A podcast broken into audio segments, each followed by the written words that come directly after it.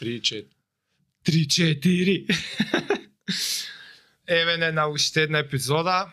Денешната е многу специјална. Ова се повтарам. Секоја секоја епизода не е многу специјална. Па специјално е, кои се повтараат, нема да биде Ама еве зашто е екстра специјална.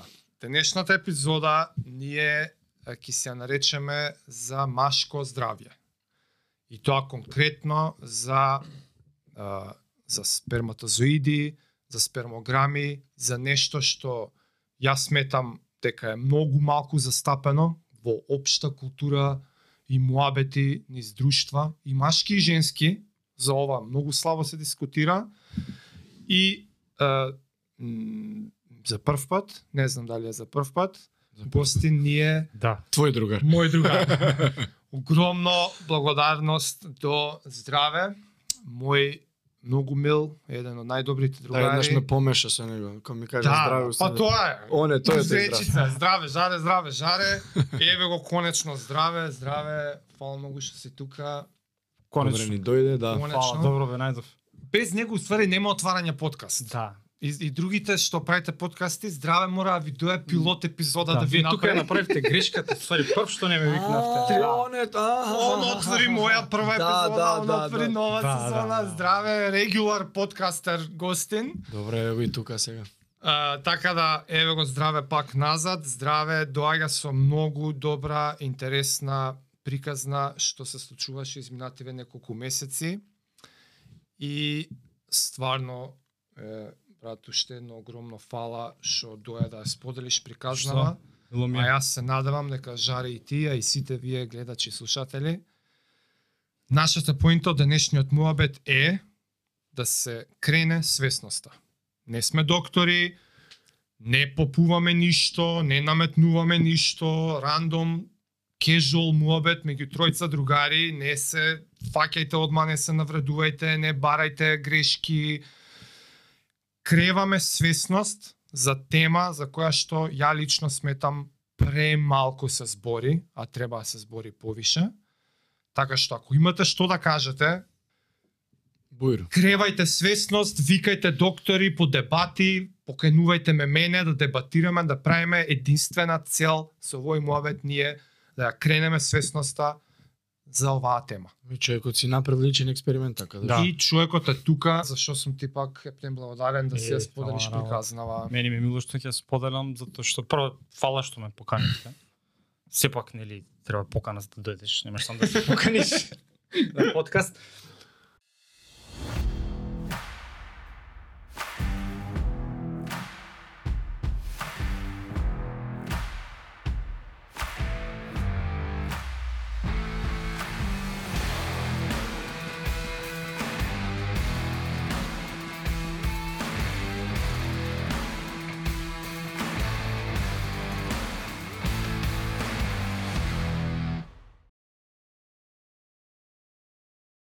А и мило ми што ќе отвориме на ваква тема, затоа што прво мислам дека Македонија или не се дискутира или се крие, или тоа што се дискутира се дискутира во затворени кругови и е секогаш Абе, да не ти кажувам, мајде кјути, знаеш, да не дознам. Машкоста да не се повреди. Машкоста да не се повреди, да не се повреди машкото его, меѓутоа, а, кога ќе дојде ноември сите пуштаат мустаки, ама никој вистински не збори за машките проблеми. Браво. Фаќаш? Е, Тоа е тоа. Новембар што е. Да. Да, да, да. Да. да. Да, е, Браво, и многу ми е мило што ќе споделиме за тоа што стварно е многу добро и треба сите машки да го знаат, а реално да. 80% не го знаат. Па Плюс ја јас сум личен сведок на неговото веќе подобрување.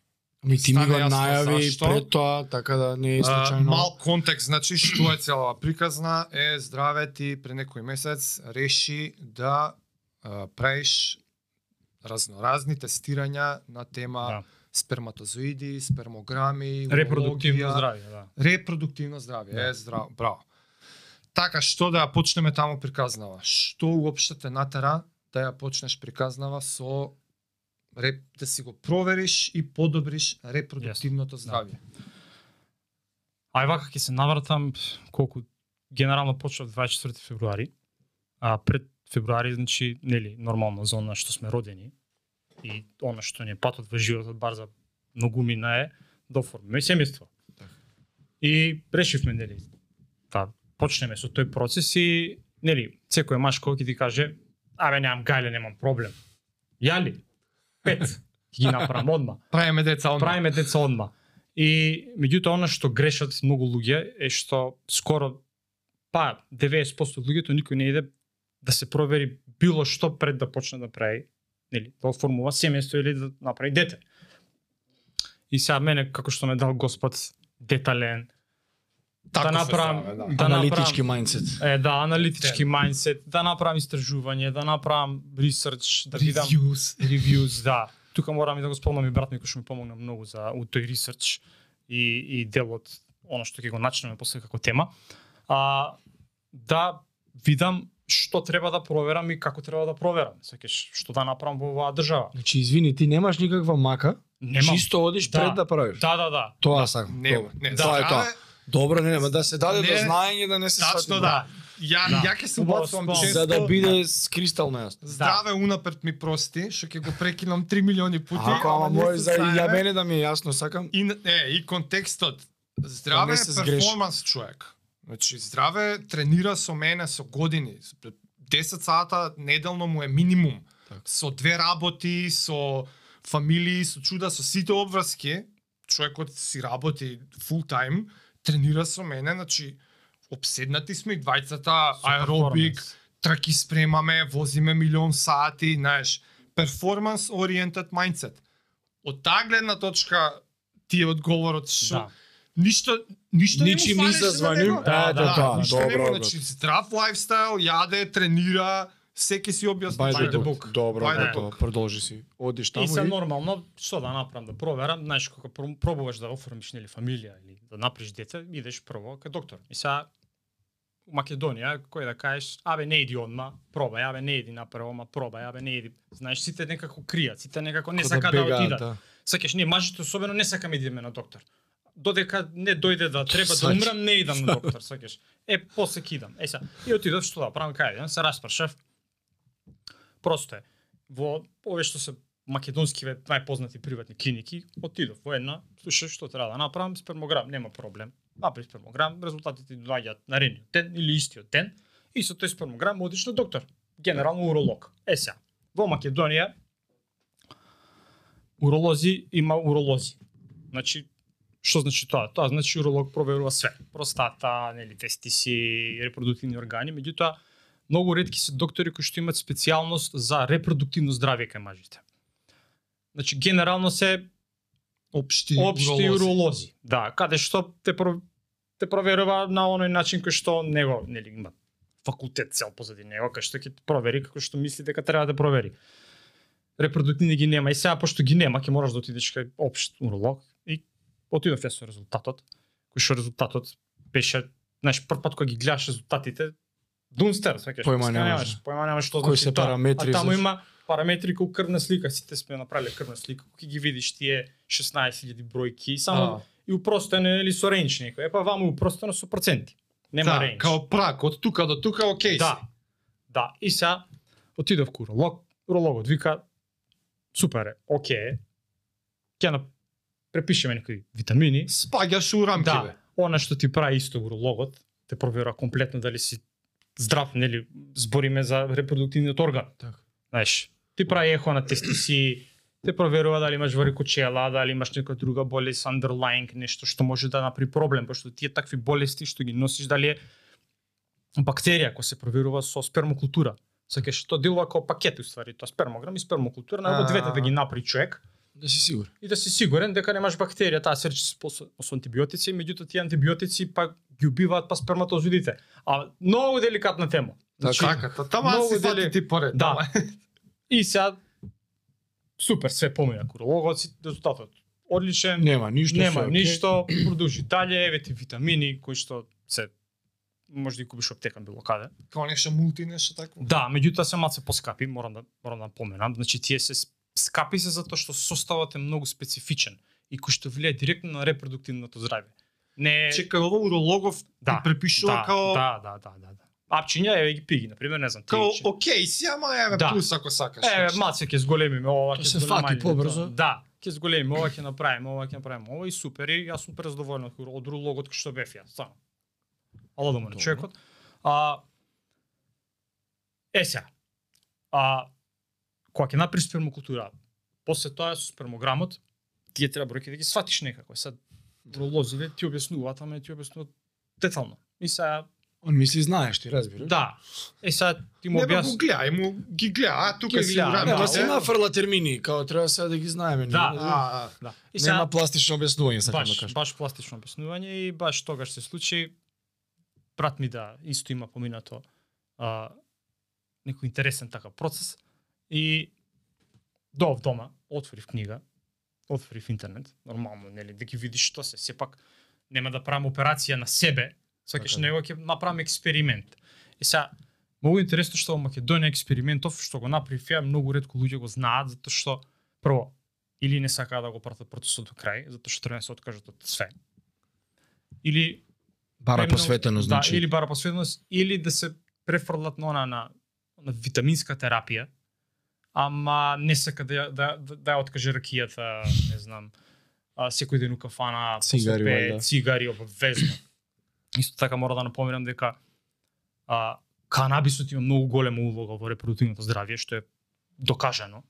Кој сака да дознае повеќе, може комотно да отвори некој Хуберман подкаст, кај што човекот е гениален во денешницава, и да види дека стварно има ефект. А, пред да навлезам во деталите, нели, отворив ја компјутер, чекам да да. видам, проназам, а, на светско ниво, буквално, цел свет опфатено, мислам дека беше на Стенфорд универзити Хуберман кај што Таму, предава да, таму, да. таму, Стенфорд. Има направена анализа дека еден во пет парови во светот проблемот е кај мажите. Значи еден во пет.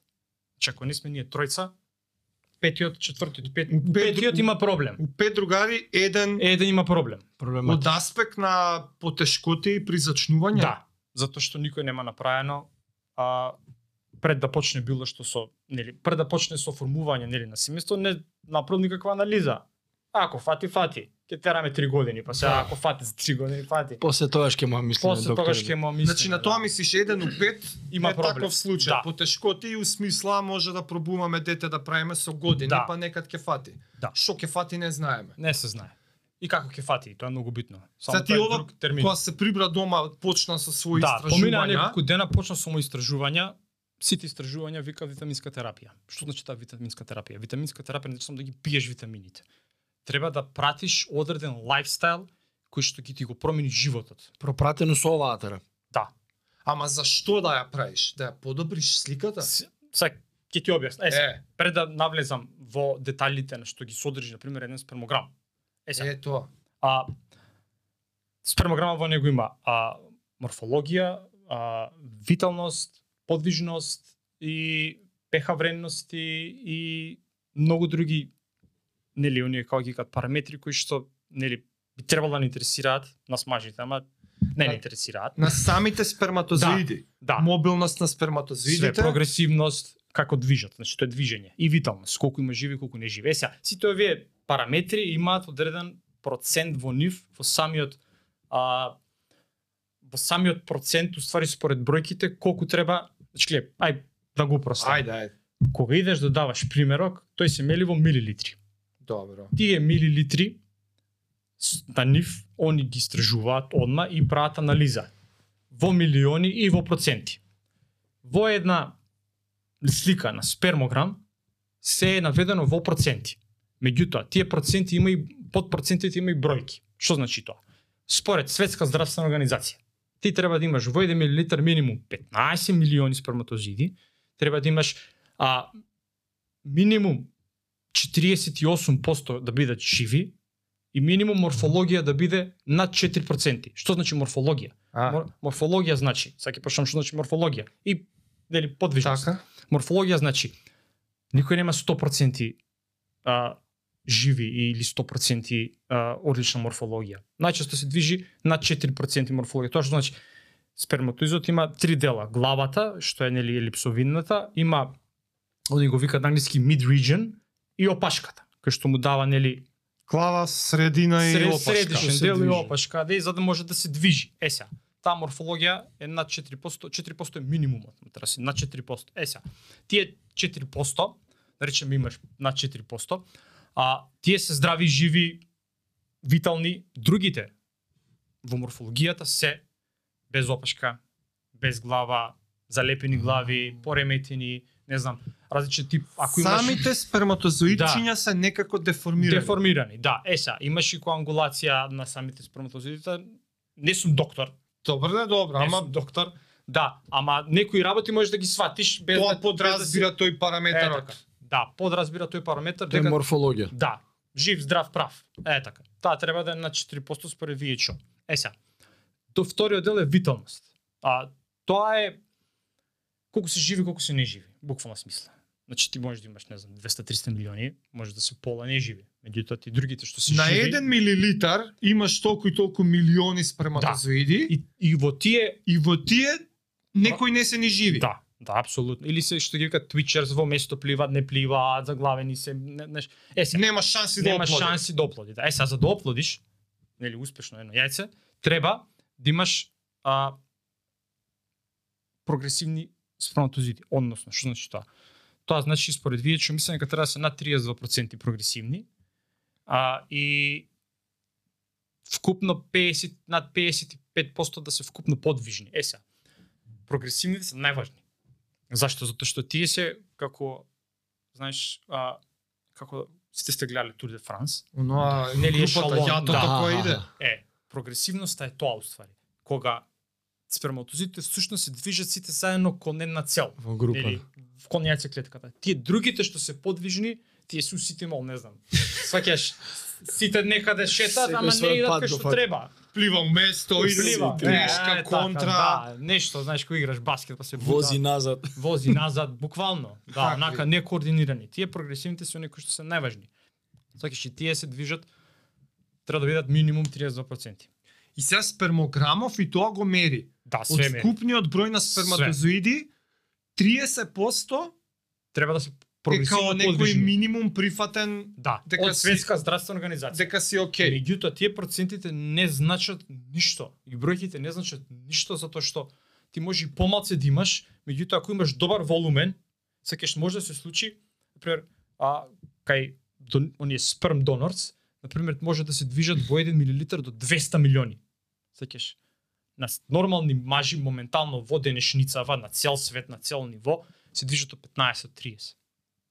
Милиони Милиони во еден милилитар. Во 1 милилитар. Во 1 милилитар, да.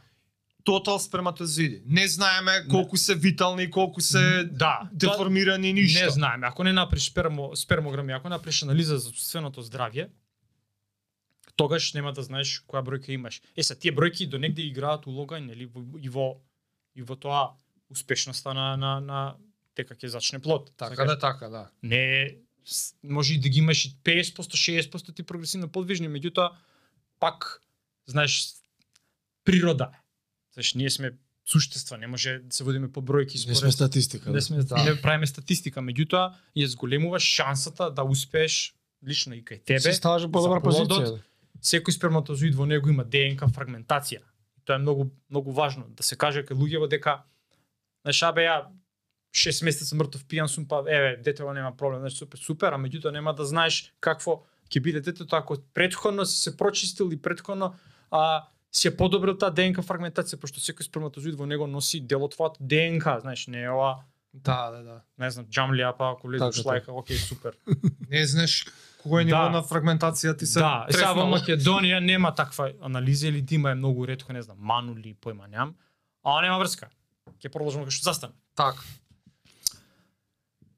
Што да правам, гледам, бројки мене лично бројките не ми се свиѓа.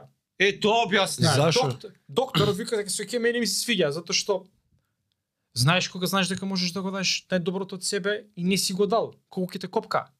Така, Така, така. Ако сега јас. си јадал торта Да. и утре нема да правиш тренинг, пак ќе се самоубијам. Сакаш?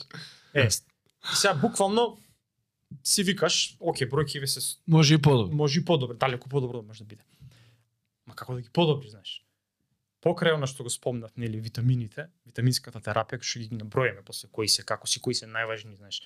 Знаеш, секој витамин а, па влијае различно на спермо, а, спермо, различно на спермата се влија. Аха. А не знам, цинкот зголемува тестостерон, коензимот а, дава а, мотилност, сакаш подвижување на сперматозидите. Ма ќе навлеземе повеќе у тоа понатака. А, пошто ќе почнеме да се губам. Да. да. Освен таа витаминска терапија, а, мораш да го промениш лайфстайлот, начинот на живот. Факт. Забориш алкохол, забориш цигари, забориш стрес, спиење Спиење. од 6 до 8 сати минимум. Твојот лайфстайл не беше прикладен пред тоа? Спиењето беше, а јадењето не беше. Морам да признаам. Значи чварки, месо, свинско, меѓутоа пак она ќе го кажам. Нели кога правиш тренинг, може да ти се потребни тие масти. Да. Сакаш, ја го намалив и тренинг процесот, знаеш, тренажниот процес скроз го намалив. Бајк правиш не деца, може би не Да. се таму потребни. Да, Така. затоа што мојот начин на тренирање е спремање светско првенство секогаш.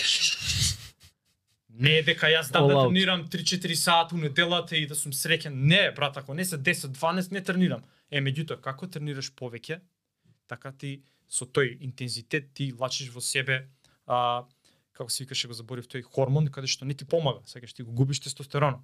Аха. Што треба да го Да. одржаваш жив Аха, тестостерон, сакаш. А и мораш да намалиш и на тренинг. И сега продолжив да тренирам, меѓутоа го намалив интензитетот. Бајк не возам више. Ќе објасним после зашто. Да, ама Да збориме не те нападнат одма. да. Да, да, збориме за лайфстайлов. Значи, го да, дали- мене здраве ова. Ја викам, добре бе, што ќе менјаш лайфстайл, човече, ти си Добар си, да. добар си сваќаш и после ми текнува, чекај малце. Успоредено со просечниот човек у Македонија, как може и јам кажано веќе неколку пати, про, просечно што се дешава, прошете вака сега низ град, што е културата македонска? Кафанска. Кафе, цигари, ракија, салата, кафич. Тоа е. Искочи викендов, не дај Боже сонце да излезе, и мравјалник вака по улици и кај ќе завршат мравките, оп, по кафани и кафичи и што е културата македонска? Кафе, цигари, ракија, салата. Тоа е. И сега тоа е просекот. Врз база на таа просечна популација се одредени тие просечни рамки на што е нормално у сперматозоиди, што е нормално у мотилност, ово на се што кажа здраве. И мене доаѓа здраве и ми вика, абе, окей, ме сликава, ама може боли. А здраве не е кафе, цигари, И па праша, ракија, салата. И сега јас знам, че кабе, тренираш, не си алкохоличар, пиеш, колку пиеш еднаш у неделата пивце, Па, пиво најчесто два-три пати сигурно. Е, пивце два-три пати у неделата и така. Гледаш твојата реакција која е? Добро бе нормално, така. На 10 сата точак ш- Така. Две-три пивца неделно. испарува тоа вака за Жестоко, ама сите тоа си викаат. Ама успат и ракија секој ден и чварки и у живот нема прднато од тренинг. Абе испарува тоа, испарува. Не, не, за него е му 10 Ама- сата тренинг ќе го испари Ама- тоа. Да. Дури и он се вика небе може и боли, може нула пиво. Може. Сваќаш? И ја тоа што викам, види бе, стварно, окей, он борд сум. Здраве, тоа е тоа, стварно, го знам човекот, таков карактер има, in карактер има, ако прави нешто, in, зашто, зашто да се двоумам после пет години, што ќе беше бе ако скратев, три месеца, едно пивце, големото чудо нема, пие Да. пиво три месеца.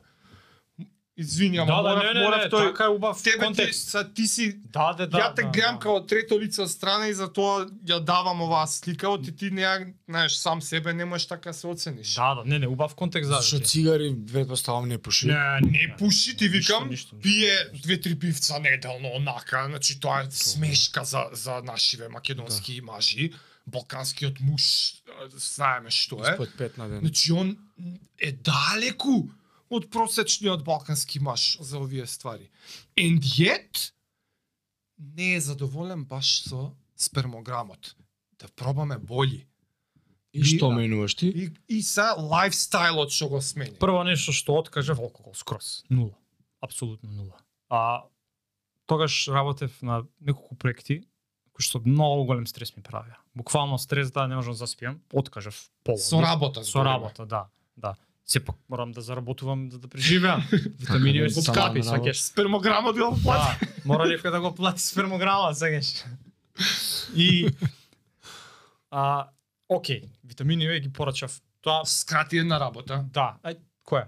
А, чекај, Па да. не, проект да. викаш имаше Да. многу проекти работеше. Да, да, да, Пола си ги откачил, пиво нула. да, све, ништо од алкохол, нула. Апсолутно нула, освен што откажав а, а, алкохол, а, откажав а, скроз кафани, храната таму што се сервира не е според мои нели Стандарди. стандарди и она што мене ми е потребно како храна за да поминам низ процесот за да направи мојот организам нова спермогенеза, кој што спермогенеза е нели обновување комплетно на на на сперматозоидите кои што Цела спермокултура, Цела- колку рече трае тоа? спермокултура е проверка дали имаш бактерии во самата сперма, меѓутоа спермогенеза трае 62 до 72 дена, може и до 90 некогаш да отиде. Ова е за целосно реобновување. Е, целосно така. реобновување на на на сперматозоидите и на комплетно на Грубо да речеме, 72 до да е 3 месеци. грубо да речеме за 3 месеца ти ќе се ја обновиш. Да. Можеш. Е сега, што е важно? Што Така, си правел? Ако правиш нешто. Добро, Што не, си правел во претходните има назад, сакам да, Да, кажам, дека. е така. Значи Крај на секогаш е многу важно што си правил претходните 3 месеца. Последните 3, Аха, последните аха. 3, последните 3. Добро. Е сега. Многу ин- интересен факт е што како се одразува храната, начинот на живот кон нели нашата сперма или нели машкоста, нели за да фамилија или што и да е, или да го да го држаш тестостеронот висок, не мора ајде кажеме не правиш деца, сакаш сакам да имам висок тестостерон. Така.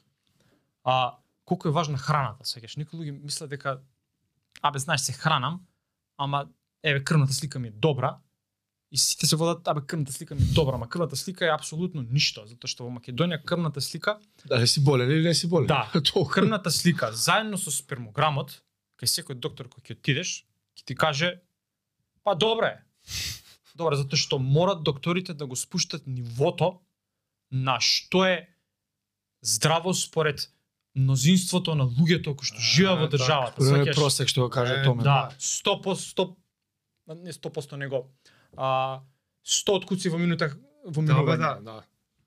Рамките, ја, јас со така, тоа, не, јас со тоа често имам конфликт е, и имаше и некој негативен фидбек за епизодата која зборевме за за HRV и за Пулс, која дадов некои референтни вредности за што јас сметам дека е здраво. И мојот конфликт со таа ситуација е референтните рамки што обично по медицината у денешницата се дават на најобична крвна слика, кои идат луѓе, абе проверив крвна слика, добро е. Тие рамки се на база на генерална популација. А рековме генерална популација. Кафе, цигари, ракија, салата, кафана. На тој примерок, ова се просеци. Ако ти така сакаш да бидеш, бујрум.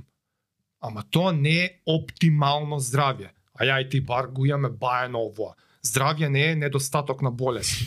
Да. Здравје е колку ти имаш потенцијал да функционираш оптимално, психичко, физички и со сите овие зашто е денешна епизода за машкото здравје. Значи како ше за крвната слика, така и за спермограми е, така, но ама кој прави спермограм? А, И како и со крвната слика, и оно ти шел спермограмов, абе добар си. Така, така, така. Тие се референтните вредности, ама неќе мясо, кафе, цигари, ракија, салата, кафана се споредувам така. Така, така.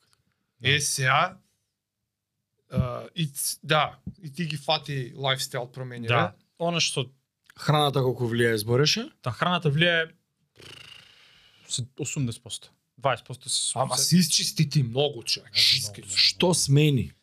Што правеше, што правеше потоа? Свинско немам 100 дена ставено на уста. Алкохол. 100 Зошто зошто свинско баш? Затоа што а, за добра добро здрави, добра крвна слика Добро. и добра добар спермограм или добар добро репродуктивно здравје, треба што помалку мрсно да јадеш.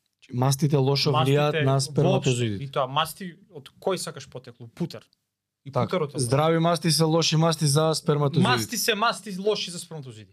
Точка, тука. Точка, крај. Добро. Може во некои а, одредени количини, не знам, ако ставиш малку путер во храната, оке. Сака да тоа работа.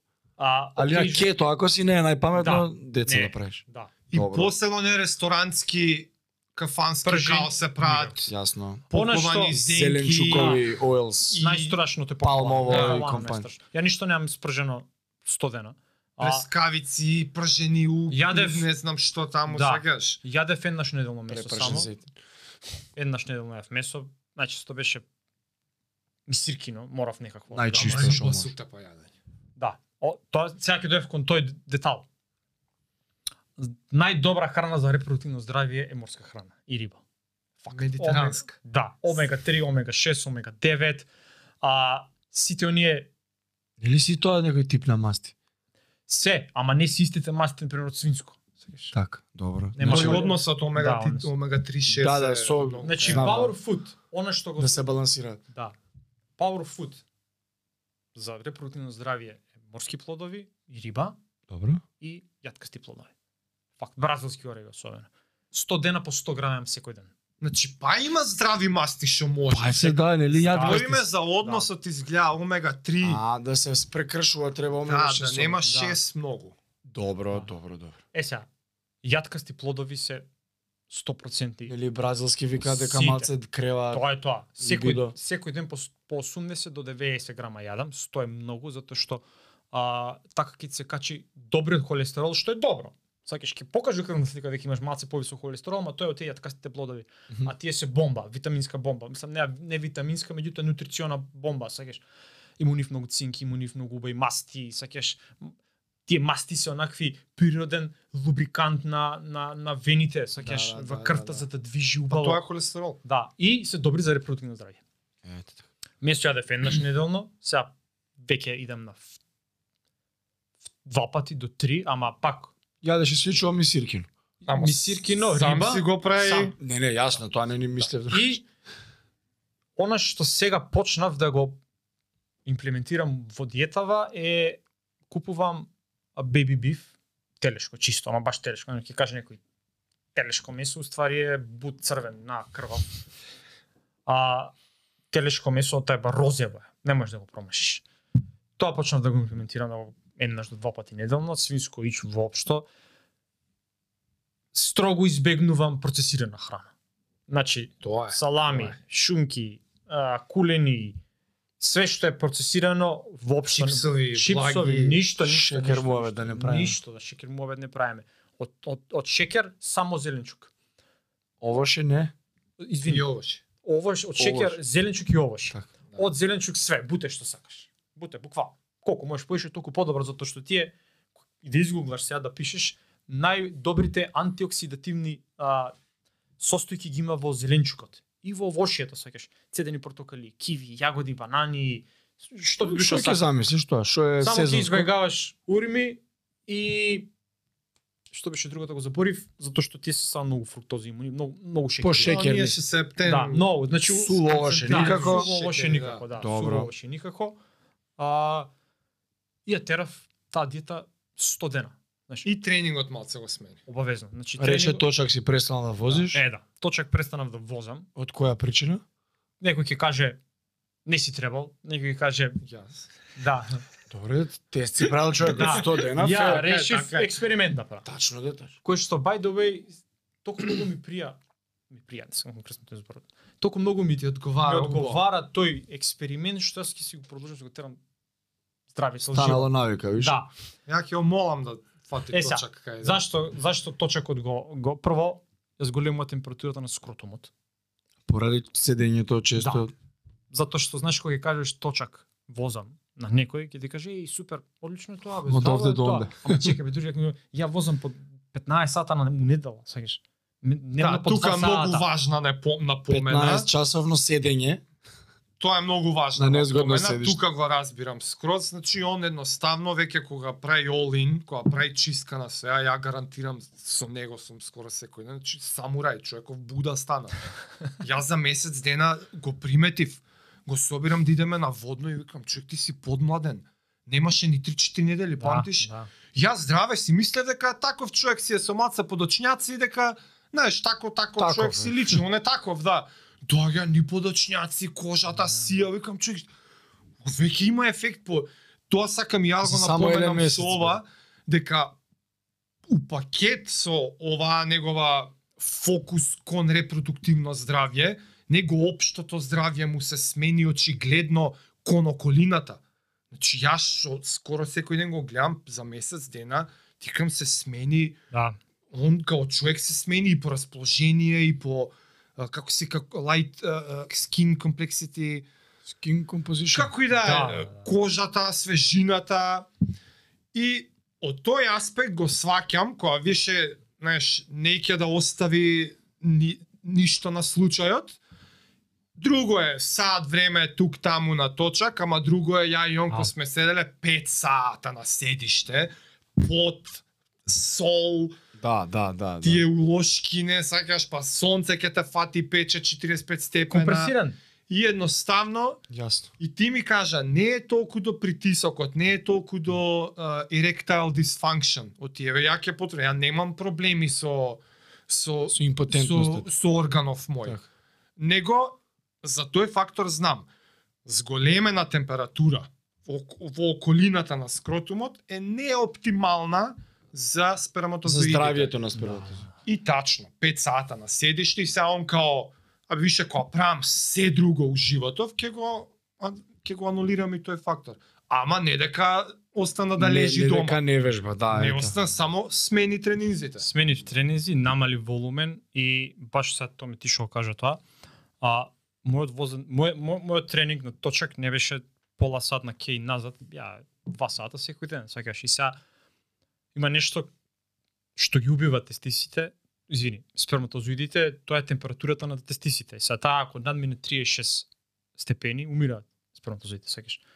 И Джабе се сите овие резултати, ако Джабе, ги имаш, да, ако е джабе, над ако 36, секој тоа е ден- тоа. Да, ако ти секој ден два сата на точак, знаеш, секој кој што возел точак и облекол хеланка за бајк, знае надвор јули месец на 70 степена колку степени ти е во меѓуножјето, Да, сакаш. да, да. Веќе кога вложуваш толку многу, зашто Е, да не анулираш за утре да не кажеш после 3 месеца требаше ова да го откажам, затоа е сега сликата таква, сакаш. И Ајде затоа нови решив 100 дена без. Да. Ајде сега нови 100 дена од понова А. све. Вака на стартот Да. еднашки. Еј сега а, секако Да. Убаци на пример тегови, обавезно. Е, па тоа, смени, точно. да. Што- која е промената? Тоа Тоа сакав- интересува. Тоа сакав да баш секи се надоврзав на тебе. А применив многу кросфит и многу, ајде да кажеме, народски теретана, затоа што сакав малку прво од точакот горниот дел мене на тело ми беше шпагета. Сакаш, земеш и паѓа. Кеса од Тинекс и кичма го фаќа. е, Да, кеса од Тинекс и кичма фаќа, сакаш. дај подржи да кренам и ја. И и викам, ај, знаеш, супер, окей, ќе ми влијае маце добро и на, на здравето, маце стренг тренинг, ма- маце, знаеш, отпор. Ќе смениш бе, зашто да не разлиш, да. интересно ќе ти биде. Еднаш неделно трчав, три пати идев у теретана, и од теретана буквално све што ќе ми деше. Највеќе фокус удрив на чучањ и мртви дигања. Кеттлбел чинја Да, бајге. кеттлбел обавезно, обавезно, затоа си ги умиштив се рамењата. пошто Е, ако правев- да е пошто трастерс многу. А малце high intensity, а, знаеш, вложив, ама меѓутоа не долг период за да нели кој имаш high intensity, нели температурата зголемуваш на на на скромот, Целото тело, знаеш, бриеш. Многу е важно гледав и обрнав многу внимание кај се движам, со кој се движам, затоа што многу лошо да се разболеш, зборим на кренеш температура, Сакаш Аха. да завршиш на антибиотици, тоа е многу важно. Сакаш да, да, да се чуваш пред сега, не сега ај ки идам у дискотека, сакаш аз си на некој режим кој што нели сакаш 100% да дадеш од себе. Сакаш ако се разболеш може да влијае утре на новиот Па спермограм, джабе си правил а све. джабе си си поминал се. А, како ми се состоеше секој индивидето, генерално гледав да легнам некаде. Нели сега немам деца, ама ако имам нема тоа не изволдиво ќе биде. За тоа го правиш. Затоа го правам ова, да. Ти ако имаш експеримент готово. Паѓа вода. Да. Джабе го прави. А обавезно доручек салата со нешто. Било што. Можеш со риба, можеш туна, туните се претежно чисти, иако ги избегнував оние во конзерва што се без маслиново, строго вода. Со салата, сакаш рукола, сакаш патличен, сакаш креставица. А после тоа закуска мала прави со тие а, јатките. Така се поведе мерев, секој ден 80 грама, за да не претерам. Пошто ако На пред... кафе намали. кафе намалив многу. Јас сум фанатик за кафе. Значи, опрема дома имам за кафе, каква сакаш. Многу намалив на Значи кафе. стварно има онакви секоја година го менја апаратот.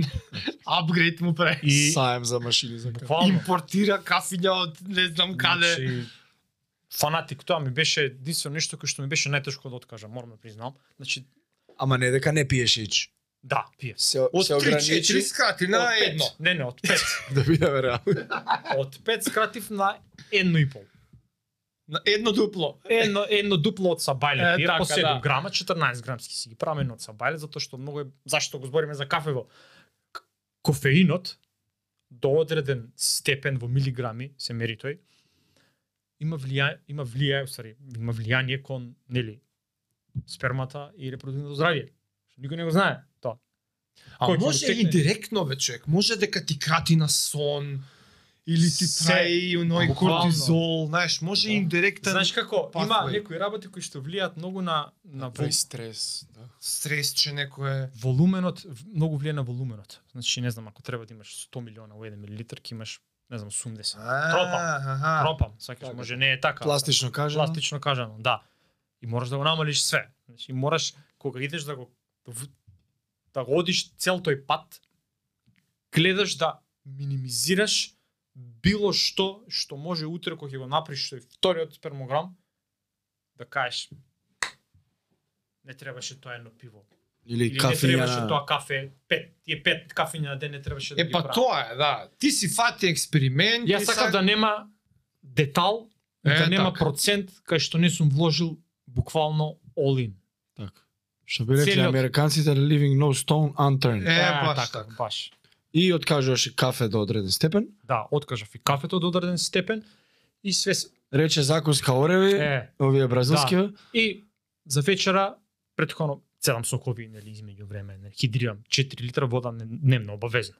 Обавезно, затоа што водата има голема улога на семенската течност во пошто семенската течност е оние кои што ги спроведуваат сперматозоидите Кај да пливаат. кај да плива, сакаш и таа е онаа која што е како обвивка заштитна за да може да да ја оплодиш нели да го оплодиш јајцето, нели. Пази што има врска е. Сакаш баш симен флуид се вика. Е, и 4 литра вода, значи? 4 литра Тоа вода. плюс. А многу едноставно, пуниш шишот литри и ги пиеш 4 на ден. Просто е. Проблем Знам него, само ја бројката секој. Или две по две. Или две по две. За вечера обавезно пак зеленчук, обавезно. Префрлив многу на јадење кои што стварно не можам. Леќа, граф. Абе добро, спремени и тоа, спремени и тие не се лоши. Има многу време губев на спремање, многу. Почна да ме фрустрира, она што можам морам да го кажам е дека ај што нема у Македонија никаде никај да прочиташ, никај да видиш, ни со кој да направиш муавет, ни да разведеш искуство, особено за машко репродуктивно здравје или за men's health. Сакаш апсолутно никаде ништо нема во држава. Сакаш. Може да постои некаде, ако постои некој да го пише у коментари. Меѓутоа, Линк од нека утринска што не сме ја видели уште Да, сабајле може, некој уролог. Ама еве и сите овие навики што он се ги вметна у, у секојдневието, не му ги кажа доктор. Research. Докторот го испрати дома, човече. Да. Он седна, ја го знам, он, он се обседна. Нема нешто што не прочита, сваќаш. Подкасти све можно На оваа испрочита. Сваќаш, идеме на водно 3 сата, хајк и он ми раскажува теории, вака чита, он, значи го знам, значи он се обседна. Немаше доктор да му каже овие и овие навики. И зашто сега сакам да го напоменам дека сето ова не испадна за джабе. да, После колку време, 100 дена, Ти- 85 да, дена. ти си имаше план, ја го правам експериментов, на тој и тој ден идам па да правам тест. Спиеше колку предходно, колку сега? Спиењето Имаше некоја евиденција Е, е, сега ќе ти кажам многу интересно со спиењето. Спиењето а, ми остана кажи речи горе доле исто во часови, меѓутоа квалитетот на сонот ми се зголеми.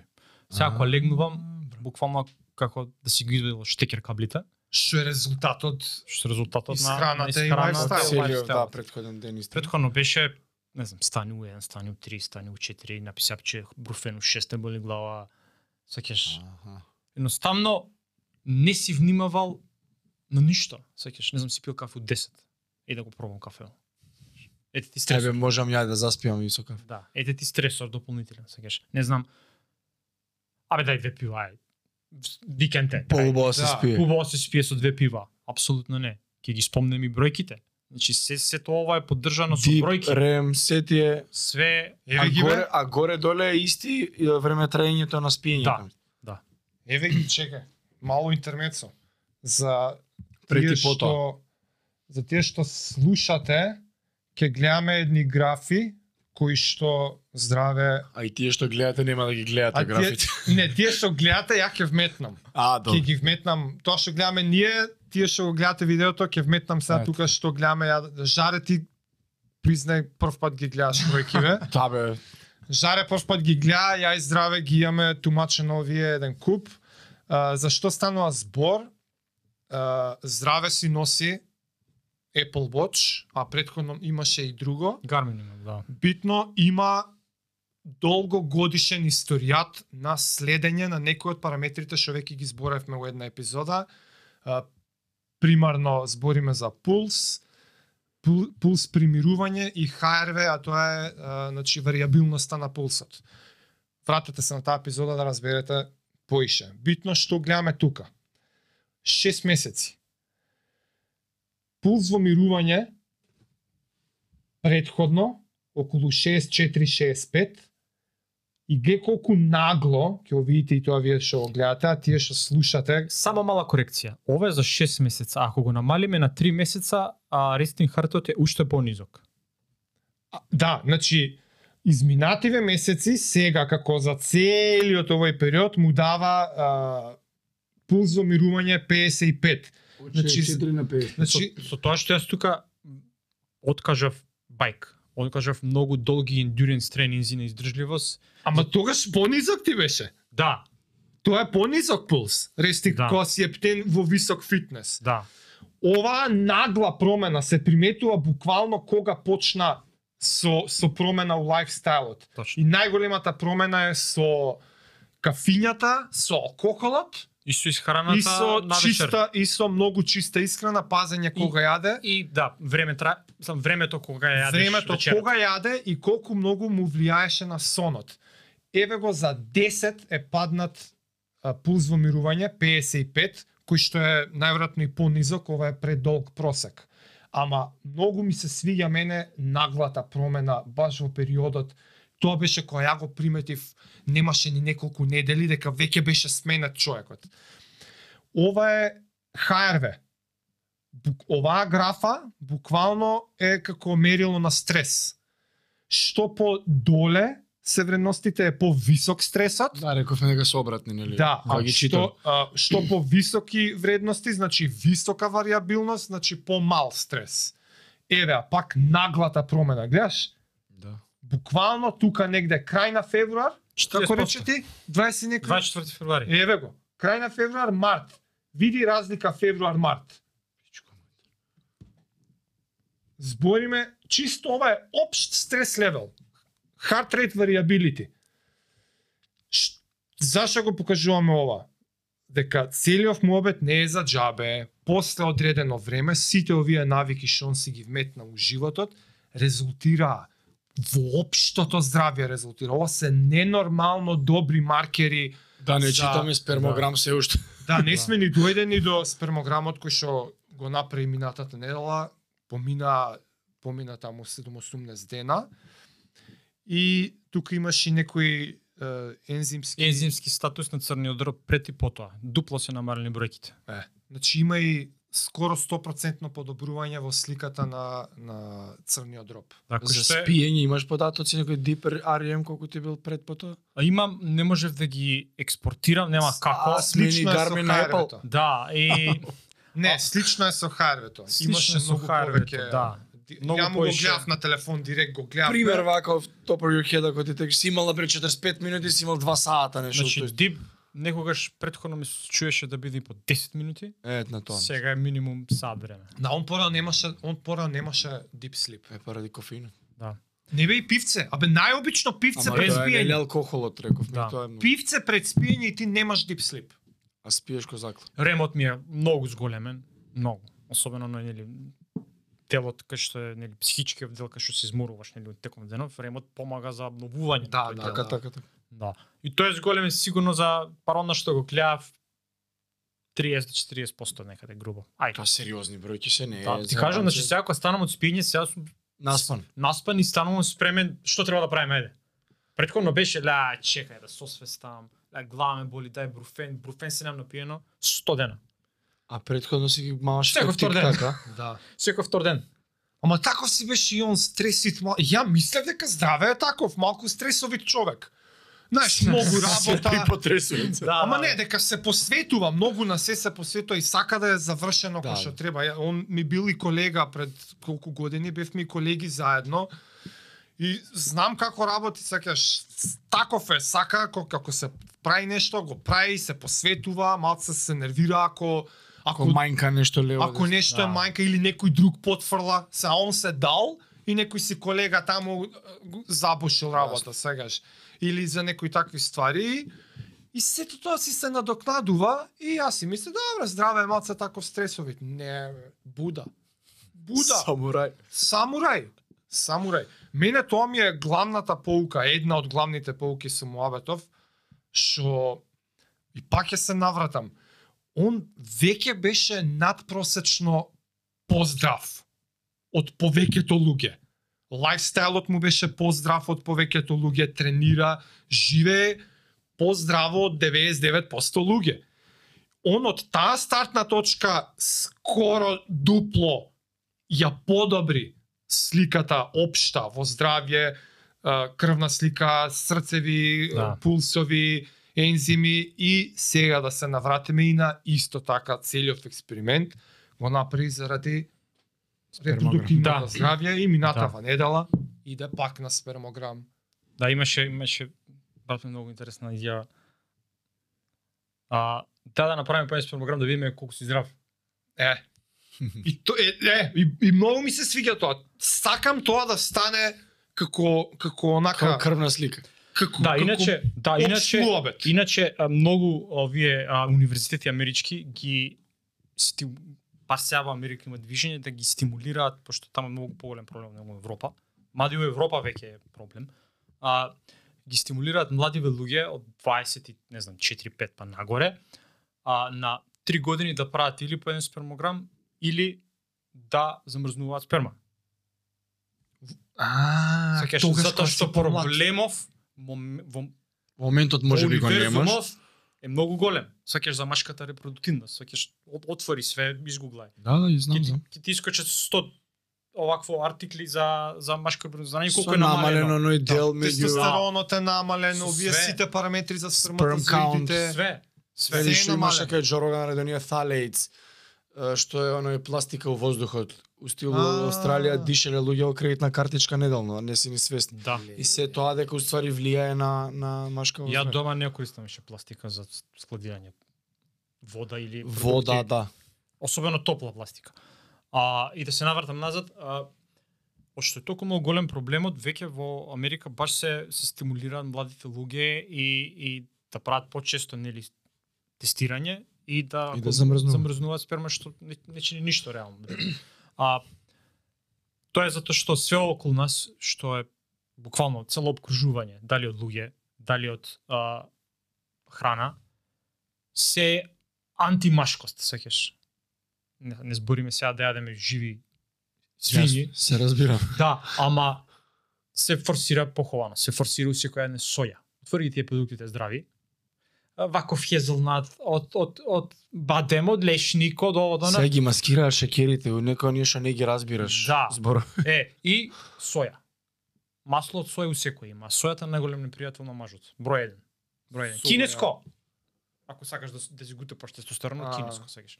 Се напукаш со естроген. Соја, соја сос. Масла од Да. семки, оние Све има соја. Се што не е маслинов, авокадо и коконат, Да. нечин. Толку. Тие се oils, односно масла што да. може. И Се што не е нечин. баш и во обкружувањето наше на, на животот сме стално стимулирани баш кон таква нездрава исхрана. И затоа што спомнав, нели, а, во Америка се води таква кампања за значи кај кажеш men's health, во Америка значи depression и reproductive health. У Македонија men's health Аз се нема да се видим кафана шприцер литр со литр да удриме. Нема, нема концептот нашето да. здравје не не постои. Да, е сега, има еден момент, Ти ментално здравје де дојде на уште, не па се... Да. Да. да, е сега, има еден момент кај што а тоа е поише од тврдоглавоста на мажите.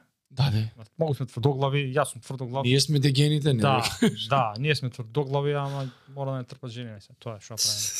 А има голем бар во Македонија сум разговарал со некои колеги, пријатели што ги имам надвор од Македонија за друштвата што ги имаат што се не македонски. А што решивме дека ќе го збориме е culture constraint. Не знам како се преведе македонски. да. Да не го забораваме, може сакаш да го спомниш ти. Не, не, не, те, контекст, само мал, Во мал контекст, да. culture constraint? малце контекст. Ајде. Значи он реши меркиве, почна да ги применува. Јас знаев што ќе му се деси унапред. Од, ако затоа што ја цел живот не пијам.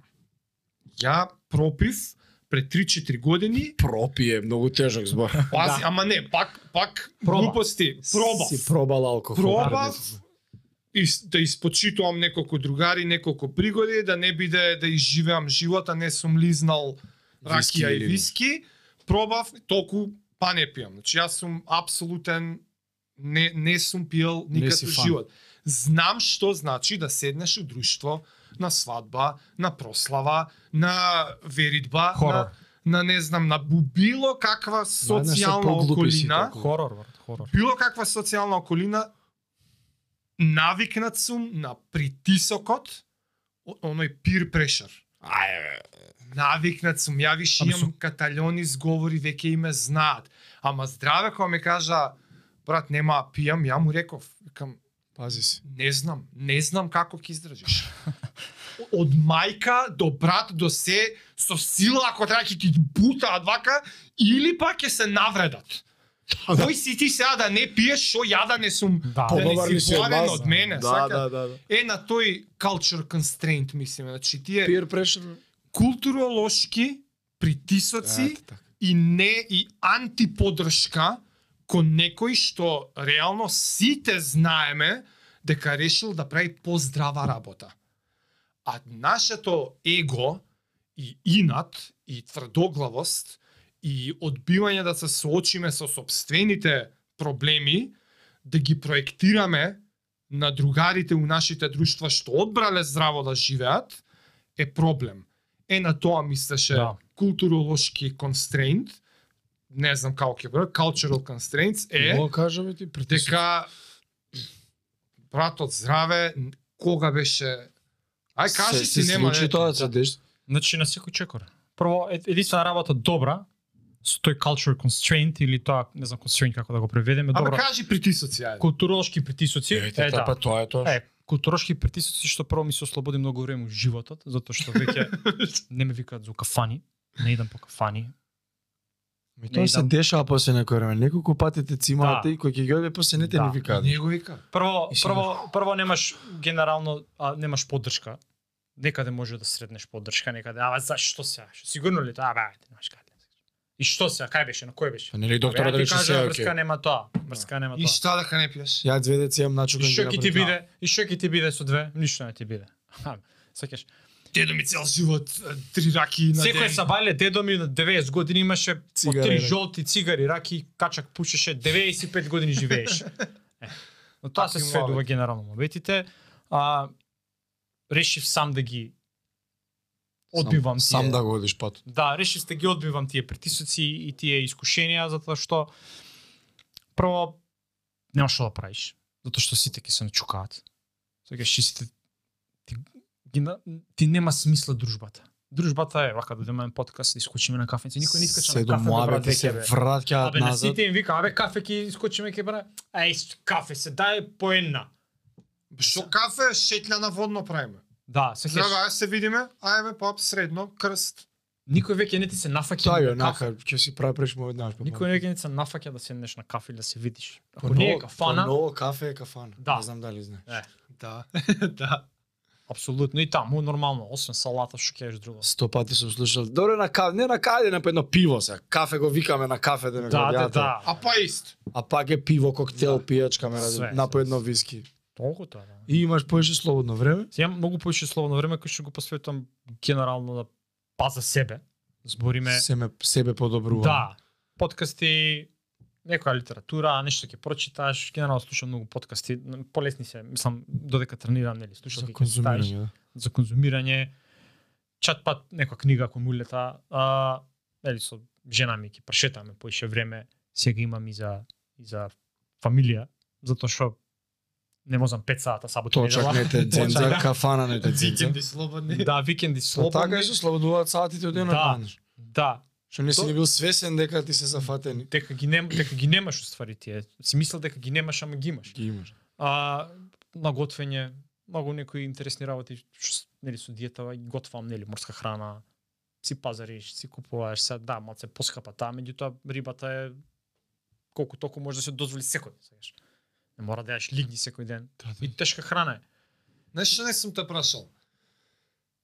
Дали уствари од целава ова ова патешествие, овој експеримент најтешко кој ти беше најтежок елемент? Имав а кога ми кажа урологот дека зоти се добри, сега ги гледам дека брат не се добри сега. Значи пишува, сваќаш, мислам пишува, не е тоа да кажеш кузне колку лоши. За твои стандарди. не За се. мои стандарди не се добри бе брат, сваќаш. Ко сега ти каже абе жари имаш холестерол, не свари ти каже абе жаре немаш холестерол, како е гледа на граница? Не бе не е тоа холестерол. Чиме на граница тоа. Чиме на граница добро е, сваќаш, и ти си свесен нормалот. од себе дека чекај, ја ако продолжам вака, никад нема да го спуштам холестеролот и ќе му удри срце фудар некаде, сваќаш. Така и јас, сваќаш. И првиот момент кај што ми беше тоа, окей, са гледам го вика е добар, и тоа е супер, не вика сепак од докторска гледна точка, не е дека ми кажал а, Петко Станко нулица. И ама јас лично себе знаев дека може подобро. И знаев како да го направам тоа за да биде подобро и да вложам. Сад знаев дека нема да биде лесно и имав некои малку потешкоти од машки аспект. Сакаш секогаш questioning си праиш на на машкоста, сакаш сикаш како е ова немогуче вака, знаеш, мора да се топ бројките. Секаш и си викаш, се враќаш на назад, си го прашувам. А добро, не водев толку нездрав живот, знаеш, каш, тренинг, храна, спиење. Почнуваш се Работа. споредуваш. Знаеш, ти споредуваш се ретроспектива си правиш на животот, а уствари си викаш на крај не е добро ова, може подобро. Како? Вака.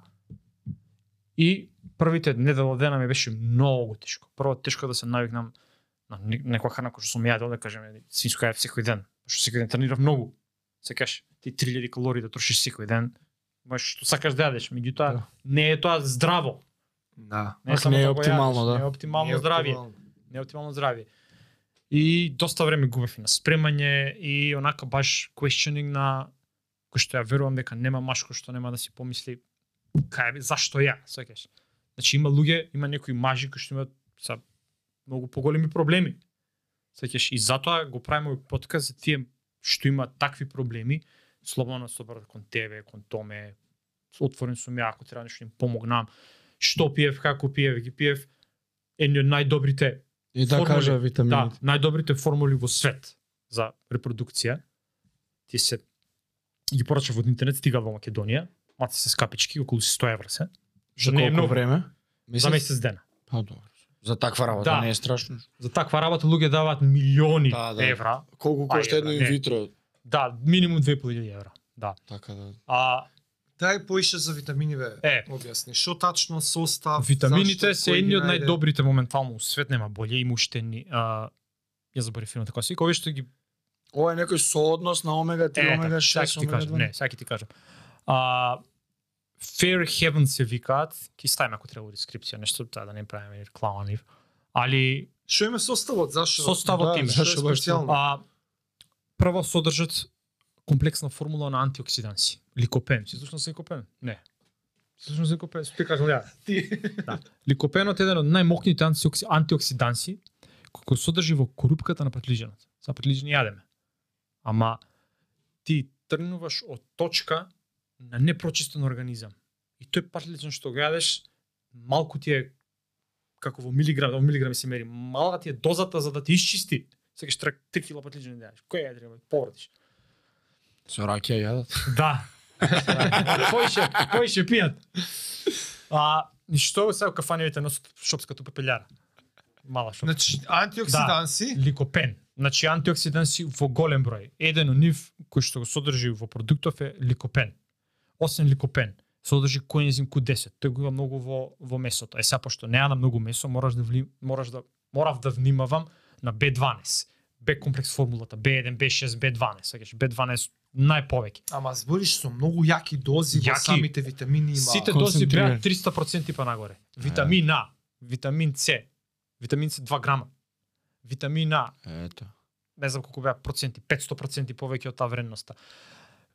Сега ќе пробам да ги набројам, па ќе одиме еден по еден грубо. А, С, Д, Е, а, фолна киселина. А, од фолна киселина после селениум, од селениум цинк, магнезиум, а кои бе другите имаше ни интересни а, што сега ќе пробам да ги експериментирам а, за природно зголемување на база на на на тревка тестостеронот, Тонга Али, тој го нема Македонија. Да, тоа е ја го има зборено Хуберман и на Джо Роган го имаат зборено. На Джо Роган го има За зборено. Да. Да, А, природен екстракт од некоја трева што стимулира производство на тестостерон Како природно ова, во организмот. што го пијат кај нас? Не трибулус, Е, трибулус. Тестерис. Место, да. Трибулус Ема ова е појак. Ова е подобро од Да, трибулус. Подобро, да. Ама ова накнадно си го нарача. Накнадно го нарачав, Ова да. предходно ово што го збориш 100 евра беше многу Пакет. сложена Комплекс, формула на комплексни Шест сапчиња се пијат дневно. високо дози. Да, и се витамини. Значи тие а, се едни од најдобрите ги има кај нас некои австрийски, меѓутоа составот го гледав не е баш добар. Овие си идеални. Овие се идеални, комплетна цела формула имаш на антиоксиданси, на витамини, на минерали, буквално се што треба за репродуктивно здравје. Значи не е стајано магнезиум има многу малку. А затоа што влијае, ама и не толку магнезиума, да речеме сегаш. Цинк големи количини, 30 мг. А не ми текнава Ама ова ти па онака го праеше од што си олин.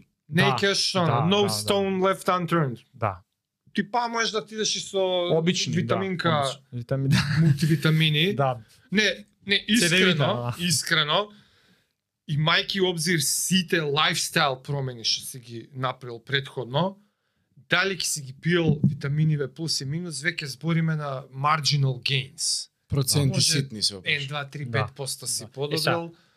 кога пиеш мора да си константен на тоа. Значи да си организиран кога да ги пиеш. Треба да внимаваш дали ќе ти направи проблем во желудник, дали ќе ти направи проблем со столица, сеќаш секој витамин си има и спремно ми е све, шемата ми е спремна, значи буквално по ден колку од кои фирми што да комбинираш, што ти фали, како ти фали, меѓутоа пак пред да го почне човек процесот, а треба да не престане со оно што го прави, па да го напри тестирањето, па да направи промена. А да не биде сега ќе сменам, па ќе поминат месец ден, ај сега ќе направам тестирање. Не, правиш како што си правил до сега или си водел секој ден кафана живот, идеш тестираш и од наредниот ден сечеш. Нема ај sad две недели ова ќе јадам, две недели, пак идам за три месеца ќе тестирам, не. Така никогаш нема да имаш вистинска слика на резултатите. Ако Чекај, сакаш не- фул, Да. Не, не до раскажавме А, да. преска дека ја направи и новата с- да, да, слика. тоа чекаме да стигнеме до таа. Да, Не да. заборавиш мене се ќе. Да, да, И- да, секако се навратиме Еве на тоа. сме сега Витамините на- и друго, то тука сме. витамини, минерали, а формулата што ја пиев, мислам, таа витаминска терапија. С се храната, с пиењето, Да. 4 литра вода, витамини ве кафе, алкохол, кафе, откажу- алкохол, све, откажување од тоа. И од генер- точак на тегови, три пати стрес неделно, никако. стрес никако, и после 100 дена одиш. Ама после- пази, тоа стрес никако не е Не, не. наивна, тривиална Како бе, работа. нај, тоа е најтешко од свео. Свакаш, еве, треба да имаш контрола. свесност Еве ти кажувам, Ама еве, немаш толку контрола, ти Немаш ќе те ти у- стисни дугме тука Да, за и нема стрес. 50% е, еве како, еве како на пример мене Да, како ти се справиш? јас на пример работев на неколку проекта. Сите проекти Да, кажа на почеток. Да, сите проекти ми беа супер, лабави. А едниот од нив беше 90% стрес. Ама едниот од нив беше најплатен. Најстресниот. Најстресниот. Нормално, нели, тоа стреси, пари секогаш одат заедно. Е сега, што решив ја? Ја решив да го откажам тој проект или да не работам веќе на него и изгубив многу пари. Ама свесно го направив тоа затоа што јас овде пробувам нешто да направам Поголемо од тебе. поголемо од мене за наредни 50 години, Да, сеќаш. Затоа што ти кога ќе остареш, Што тој проект, ти кога да не ќе да не мислиш сега, да не, да. да не ти тек, абе ти текна тој проект, топ беше, никој нема го памти. И го откажав тој проект и си останав кај што сум сега на овие проекти на кои што работам и ми е многу убаво ми дава слобода на движење. Растеретен се сигурно. Многу, многу, многу, многу, многу. И нели кога заврши целиот тој процес окружив, секаде викаат 72 дена е за нова спермогенеза, до 65, знаеш како а, со 65 дена се потребни во тестисите да се направи таа нова спермогенеза, меѓутоа потребно се недела до 2 сеас големи на две недели да се трансферира во во ејакулатот. Сеќаш? Така. Да, не е вака Јасно, кликни. Е сега, целиот дел, сите ќе ти препорачаат тере 6 месеца, не 3. Зашто? Затоа што никогаш нема да го фатиш, пошто нели тоа е природно, како менструалниот циклус кај жени, никогаш нема да го фатиш ти ти можеш да го фатиш на почеток, не може ако денеска си решил 72 дена и точно дека ќе се направи, сакаш, немаш тригер у тебе, него ти веќе да, ти веќе може предходно си бил на средина. Сакаш, и ти останале само тебе 30 дена за нова спермогенеза, така. Аха. И ти уствари си фатил 30 од предходнат, од предходниот циклус, меѓутоа си го направил на 6 вториот, на, на 70 вториот ден, меѓутоа ти па вториот не поминал целосно, сакаш. Не знаеш у која фаза на Јасно, јасно, циклусот јасно. Ова е за сваки случај. Да бидеш сигурен, тере го 3 месеца, дури ја би рекол и 6. Така. Да бидеш, да фатиш убави два циклуса, знаеш, комплетно да се прочитиш, затоа што не бива сега после цела оваа жртва, не е ни жртва, значи ќе каже жртва, жртва си на почетокот, сакаш, пак имаш некој виктим менталити у тебе. Пак зашо правиме мове за дете, човек. Да. Не може да е жртва тука. Има луѓе така малце За пожртвено. машко здравје. Да. За машко здравје. И Тебе колку Фати те ги. фати? Ти после А, 100 дена го направи? ја не јас продолжив дале терам. Не, Не, не, спермограмот А го да, направи после. 85. Добро. И што 85. вика еве спермограмот денеска? 100% подобрување. 100%. 100%. 100% подобрување, чисто само ќе нафрлам бројка. Во овие параметри на почеток што ги кажа. Да, Тие ши, да, Ако мортилити, може, да. број- морфологија и виталност. купен број. Купен број, мислам дека имаш ти пратив и, и нели табела една на мейл за А, не ја спремив таа. да. Ке може да ја вметнам Ќе ја после, вметнеме да. после да. Ама Ти кажи на on top of your head ако имаш on top of your head, o- on top of my head, а, генерално од 80 до 100% подобрување, со тоа што пак ќе ти кажам, може не сме го фатил, може сме го фатил пола циклус, може ги било уште подобри бројките. Ќе видиме за 6 месеца. А, Нова епизода за да, Да. Збориме, значи вкупен број на сперматозиди. Значи, скоро вкупен- дупло. вкупен број на на на, на сперматозиди по милилитар, а мотилно... Дупло како? Тоа беше уште Не, поише. не, не, не, по, не дупло. А, значи, ја вака, предходно, на пример, да кажеме, ќе карикирам со Памтиш прецизни бројки или Да, нема? памтам прецизни бројки. Прилика ако во 1 милилитар, мели милилитар сум имал 30 милиона, Добро. сега имам 80 милиона. Така беше. Ова е и над 100%. Да, Значи 80 до 100 Купен беше број. просекот. да, 100% изборим у просекот на На цела целата, слика. добро. да. Значи, збориме слика морфологија, мотилите или подвижност, а, и виталност. Како и да сведиш све е зголемено скоро Се, за комплетно. Да, За- да, да. И за колку? За 3 месеца? За 3 месеца. Ај кажи ми дека не вреди. Како бе не вреди. И тие другите параметри исто, колкав процент од тие се живи, Да. дупло поише. Колкав процент од живите Е, немаат деформитети, Мрдаде, ето. дупло Е, бољи. Се му е дупло, сваќаш. Она што она што јас бев малку во бројките многу, меѓутоа некако тој ден ми беше многу се на брзање, нешто работа има нешто траше срда, нешто. Ај, ми умре мачката таму, појма, нема. И Пише сопругата моја зема тај тетано, знаеш, да видиме, да удриме графа, да аналитика, сакаш, морубо да се истражи тоа, да видиш бројките да ги споредиш претходно before and after. А луѓе ако го прават ова, никогаш да не ги гледат апсолутните проценти во спермограмот. Што значи тоа? Тоа значи дека ако на пример било за подвижност, а минимум да се 30%, ако ги имаш сега на гречеме на вториот спермограм, ако имаш истата бројка на мотилност, ама тебе ти се зголемени ти е зголемен волуменот по милилитар во бројот на сперматозоиди, Аха, тоа. па 30% на пример на 40 милиона се колку Да, да, 13. е ама 30% ако имаш 150 милиона не е исто меѓутоа они си ја држат таа 30% свеќаш процентот Процентот, да, процентот да. си го држат они на на статистиката на спермограма свеќаш Сека 30% можеш да имаш, ама не е исто 30% на 45 150 на милиона 40. и на Е, тоа, 150. да, да. И тоа тука ја направив малце утка што прва на брзинка ги видел бројките и чекай да видам какви се. А, Не знаеш. направи каде само не Да. не ги не ги доанализира бројките. Да, треба да седнеш. Резултатите си стои убаво детално. Да, треба да убаво да седнеш, да направиш анализа, да ги спориш затоа што најверојатно ќе имаш најголем напредок во бројноста и во мотилноста, меѓутоа а треба да знаеш дека ако имаш добра бројка и да останала мотилноста иста, ти си ги зголемил со 100% шансите, сеќаш. Во мотилноста на оние прогресивни движења, прогресивни прогресивни Тоа е нереално многу. Многу е. Да, јас јас се чудев. Јас се чудев буквално, значи За 3 месеца? 3 месеца. 3 месеца. За 6 ќе видиме, односно Да. за плюс 3 од се. Да. А знаеш што е интересно, ти не- ми немаш спомнато, у ниеден, у ниедна од овие прилики ти не седна со доктор овој муабет да го направиш. Пробав, пробав, не успеав. Не, знаеш, не само оноа, ај добар си бегај, него Да. седни, ајбе докторе, објасни ми мотилити, фитили, митили, Не, ово. не, не, не, едноставно, едноставно мислам дека не може да ги обвинуваме нив, затоа што кај нив доаѓаат секој ден по 500 души. А мислам дека секако си ја разбираат те, тематиката, или нивна нивна областе, ама мислам дека не можат доволно да се посветат прво затоа што има многу тврдоглави мажи и ние сме тврдоглави по природа мажите.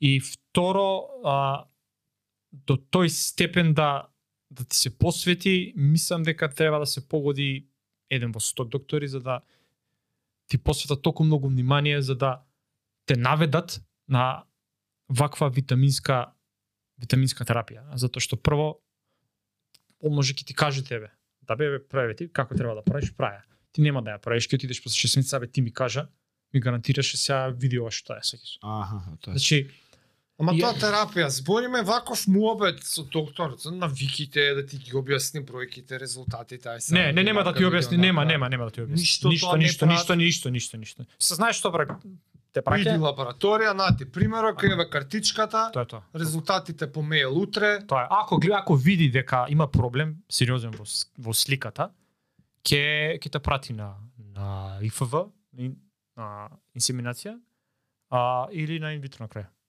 Тука е тој момент мене што ме боде од и одма ми текнува Бизнис е, на малце случки е со бизнес, крвни да. слики со све. Малце Се скока целчек. Океј, у реду, он добива 100 Извини. слики на ден. Ќе те прекинам, ако не скршам нешто да кажам. Саш вода? Немаш. А, Кистем. ми изгубив мислата. А, знаеш што е проблемот? Проблемот е што а, прво за да ти ги објасни сите овие навики, а, треба да да те убеди прво дека функционира тоа. Сегаш. А, И сега гледај, Не Прво- можеш пример. прво не може да те убеди, затоа што ти нема да му веруваш. да. И нема ни да пратиш диетата до крај. Е сега. И второ е најлесно ако не бива и ако види сликата дека е лоша, ќе те прати на на или на инсеминација или на инвитро сеш. И нив име, А, знаеш, едноставно ако ќе се ставиш на нивна страна, Си еден од милиарда што му дај. да. И ќе те еден од Се делјадници. решил. Ај ти си окей, ти не, а оди ти се плати 2000 евра за вештачко да, оплодување. да, да, да, и затоа се стимулира тоа вештичко плодување затоа што прво и луѓето не сакаат да сменат ништо во нив. Полесниот пат е можеби. Не знам, не дај Боже, дознам та- таа работа треба. Тоа е што ми- трагично, бе, јас стварно ми, мислам кој што дека ми личи од 100 дневен пат исхрана, вежбање, спиење, откажување од илја работи. И си викаш, аја, вие природниве работи, да ме, вакви онакви. А и зашто плати па клати. некој попрво ќе дае 2000 евра за тоа, него 100 дена да не пие пиво. Да, да. Прост пример, нема не поврзано со оваа тема, него се во Америка видов почнали инекции антиобисити. What the fuck? Да, да. Значи до кој степен одиме се, ме разбираш? Да, да, да. Да не смениш ништо лајфстајлот за плати ден, чао, пријатно, толку и толку време славеш толку. Страшно, страшно. Така да верувам Да. дека инвитрото е паралелно. Да, ама пази, и за, и за, и за инвитро треба да имаш добра, добра спермокул... О, спер, добар спермограм, сега не можеш да отидеш Да, па у Чернобил да работиш, па се вратиш да. да правиш спермограм, сакаш. Да, нели, тоа па Има. може и неуспешни. Работа со тешки метали, а не сум сигурен, ама мислам дека има ресерч дека е докажано дека и телефоните имаат многу голем улога од джеп кој ги ставиш. Не, ја гледав. не од топлината, него од а, фреквенција, не од фреквенција на ниските радио на радиозраци. Да, да, да, да. Да. Ептен тука у джепот ти директно, стои, буквално у- меѓу меѓу меѓу Да. тестите. Баш да. таму ти стои, да. И кога седиш и кога лежиш, пак си со телефонот вака сакаш. Ама тоа е неизбежна, неизбежна нова навика, нов живот кој што го водат сите мажи Пак ти е на маса едно друго колку Да. често си. Али пак, значи како што те сваќам се некој ако има мака, само 3 до 6 месеца може да си го Да, си го реши преобрази овој проблем. Да. Али треба малце го загре газот. Да. Со прилично познати мерки за здрав живот. Што ја функционираат? Да. Ти ми кажуваше најголем фактор од сите овие мерки, ако треба да одбереш онака бар бар овие две ствари не ги прави. Кој би рекол дека се? Алкохол, цигари. Крај на приказната. Алкохолот Ја- особено алкохол. Ја верувам кој во тоа доз. скроз. Even ќе префрлев на англиски. А, Работи дури, во англиски фирми да не Да. да. замерим. дури и во Со мали подкастов сам. дури у мали количини. Разумеме, и една пијачка може да направи промена. На ден. Зашто да ден, да. Зашто да си ги ризикуваш шансите со една пијачка? Што ќе ти смени? Секако, а, секако ако пиеш една ти малку, така да не се лажеме. Ки што на не ако сакате да правите деца, направи спермограм. Ако Да. си оние просеци, како што рековме, Да. примени го ова, Да. 3 до 6 месеци, Ништо нема да ти биде да не. реобиди се пак, Замисли, замисли жаре колку луѓе има мажи кои што појма немаат од животот и кои што со години губат време на пробување. не, Сакаш, колку јас- процент него Јас, јас, јас пред да 99,999. решам било што, Ти си прв што дознавам отидов прв, отидов направив ома, чекај ќе се проверам. Моето здравје, сакаш здравјето на офспрингот, утре на детето, здравјето на жената. Знаеш колку компликации може да се создадат па кај кај кај Да, жените. и после оние спонтани, после ова, само после тоа, не само Не е што- случајност, тоа. Да. Не само што пробуваме со години и неуспешно, него и попрво ќе ја префрлиме На одговорноста жената. кај жената. На партнерот, па да, па машкото жените ќе жена. идат да се тестираат. Они први секогаш, да. Они си идат Ја имам примери, ја имам примери од луѓе што ги Они идат познавам. редовно се. Ние мислиме дека абе Ај, ај, има е- ејакулат. Еве. Има ја. Искача од мене, добар сум ја. Да. Ама стварно е така, Ама мабе. што искача? Тука сум во на страната на жените затоа што прво Да, Еве, 6 не, месеци се прво е проверува. од секој маж што гледа, прво нека се запраша себе си ако нема проблем колку пати дошол на уролог. Нула. Нула. Нула. Пред 40. Ама зашто Сега да- нешто последно Ама време зашто да идам кога немам проблем? Мажи одат е, заради оние STD, сексуално преносливи Така, болести. да. Не за Од здравје. мука. Или ако има Така. мака, или за не дај Боже. Да. Али за ова, за плодност, мислам дека и машкоста многу им се повредува тука. Многу, многу, многу. Ај бе, ја добар сум. Да, Разбира се. Стварно. бе. Оиле, доиле, направи Знаеш деца, ја нема да направам. Да, знаеш колку многу значи ќе отидеш кај уролог, ехо ќе те пригледа, знаеш, Да- да- Пропратни работи, бе. Жаре, да не правиме муабет и да се спомнуваме за болести, рак на тестиси, рак Така, на така, простата, така. ќе ти проверат дека ти флатат, сакаш, па да не порочиме Не да правиме муабет, па колку мажи никој не иде на колоноскопија. На што? На Колонос... колоноскопија, ама добро, А, тоа е на ама. 40. Да, на 40-45, сакаш, ама Дебело па не идат. Абе, после овие времења и тоа починувам да се прашувам да не е некоја паушална бројка 40 Не пак. мислам дека е паднато на 40, било по. За- Затоа да, што повисоко па, па да. некои просеци на општа популација се земени. Да, да, да, Сваќаш, пак ќе биде на 40, ама како да го фатевме на 35 боле ќе беше. Сваќаш, кој знае, не знам више. Знаеш, ако ако жениве може да идат еднаш годишно на гинеколог, На 6 месеци. Една на 6 шест месеци? 6 месеци или како? Да, Да, 3 на побрзо. 6, не знам Да, да, како. што ни фали на нас со На неа години. заедно, абе со неа заедно, а ти идеш на гинеколог, ја идам на уролог. Инаку, инаку, инаку на да. спермограмче, да. Да, да, да, да. Зашто да не? Да, гинеколозите, ја разговарав со гинеколог и тој кажа, слушај, иди провери ова и ова и ова. Сакаш, уште пред да пред да почнам било што со каков процес, сакаш, уште пред да почнеме да мислуваме за фамилија. Оди гинеколог женски. Зашто? Може да резултира со спонтан, може да резултира со, не знам, со лошо Со лош полош, лош плод, сакаш, еден куп фактори има каде што замисли, замисли кој колку е тешко ако се случи некој таков проблем на жената, па да прават зафат. Замисли, што треба да направите само треба да се провери. Да, Жената- колку е лесно решението успоредба со тоа после последиците какви Па може да не знам, не знам, не, не сте со гинеколог, ама после знам дека има тешки проблеми, сакаш компликации кај жени, Да. сакаш покомплициран организам се од нашиот, сакаш сепак има нели јајници, матка, Така, сакаш така, така, така. канали некои па таму со железа срева. Кај нас се три параметри, тие не ги проверуваме. Ти кај нас ти, Стварно, тие не ги проверуваме. стварно. Мене нај највоодушевувачкиот цело во ова што ми остаи мене впечаток што ја дефинитивно ќе почнам да го применам бар од аспект на проверки е што еви јас сум а, овакво пример за за исто за дека го правам истото. Правам крвна слика два пати годината и толку.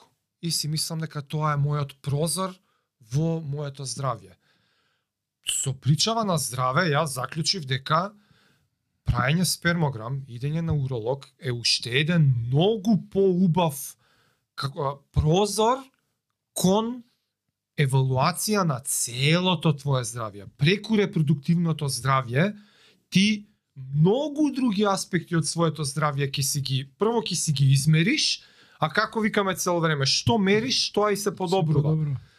Значи, ја како другар од страна што те пратам, да, ти и на хартија и на црно-бело и на у секој друг смисол си го подобри репродуктивното здравје, ја од страна ти кажам ти и општото здравје го подобри, само Факто, затоа да. што реши да го отвориш и овој прозор.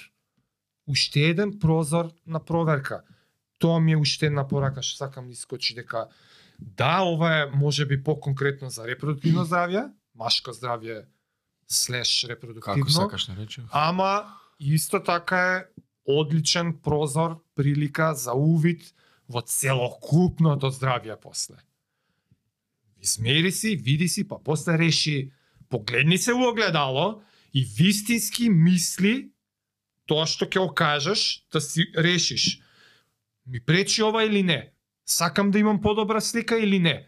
Сакам да пијам секој ден пиво ракија или сакам да ако си кажеш да, да, сакам да пијам и по, по цена и на тоа, оке, бујром, продужи дале. Пака е твоја одлука. Ама соочи се, има и свесност за тоа, направи одлуката и после не иди не иди да им мрчиш на луѓе што решиле да се подобрат. Друго што беше нешто? Сигурно нешто Забораваме ли сигурно нешто што не забораваме. Јас се надевам дека ќе допре до до до до публикава. Значи темава. Еве допре до нас вајде ќе допре до. Ти ти начна малце, ама ја сега можеш да спомнеш, а, три месеца поминаа, што у наредните не само три, него понатака во животот, што мислиш дека се некои ствари што ќе ти станат веќе и секојдневие, може Исхраната- нешто ќе вратиш, да, како да. како планираш да продолжиш? Исхраната секако ќе ја задржам.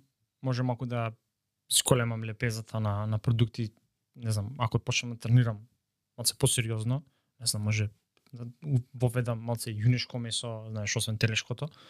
А, што поевтино малце. На сепак мора и тој аспект да го, значи, да го, да го спомнеме. Значи, не е ефтино. Значи, со цениве, со, со продуктиве, нонстоп се оди нагоре, почни од зеленчук, кроминото да 100 денара, сакаш. А, мора да направиш и некој баланс помеѓу а, цена, перформанси на оној што го јадеш. Што ти е можностите? Што те во можностите, сепак има многу витамини кои што мораш да ги набавиш и мораш да ги пиеш секој ден. Значи без престан. И да ко- конзумираш многу вода со нив, затоа што не сакаш бубрезите да ги направиш песок. А, Што ќе правиш со алкохол? па не планирам да почнам да пијам. А, уште долго време. Ми одговара. Еве на меки, не- на мекици. Епизодно така? епизодно открив открив сега нешто што ствари ми го ми ја задоволува желбата за алкохол, ама не е алкохол, него е безалкохолно пиво. Аха. Значи апсолутно, значи пиво без алкохол. Значи сега Еве 0-0 хајнеке. 0-0 Хайнекенот е перверзија. Значи стварно ми доаѓа некад сега особено летно време жешко, знаеш. Ако си пил джин тоник и безалкохолен джин има се. Е не се знае за тоа. Джин, Не да бе, гордост 0-0. Ја.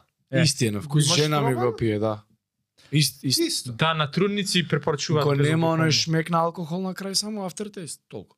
Све друго исто. И треба да се чува фрижидер зашто има рок, зашто нема алкохол. Да. Тоа е единствената разлика. Кој ќе го отвориш мора да чуваш во фрижидер. Да. Со лајм, ш, тоник, лед, исто. Значи планираш да продолжиш вака Да. без алкохол? Не е страшно. Значи, збориме ова, го правиш додека нели нека не оформиш фамилија. После тоа можеш да се опуштиш ако сакаш еднаш да се напиеш нешто. Чуе Боже се, кој сака. Да, да, е нормално, да. Може. Ја не планирам. Безалкохолното ми е супер.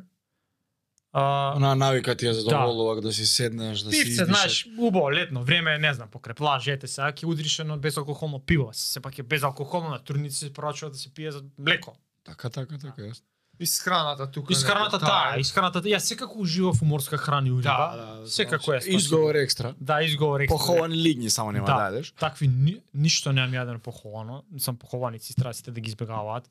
А, Дај Боже да бидне се Да, дете ово оно на точак ќе се врати Секако. да повози. Секако. секако. Бајкот ми е бајкот ми е една од на моменти ми доаѓа само тешко да не можеш да го правиш што го сакаш.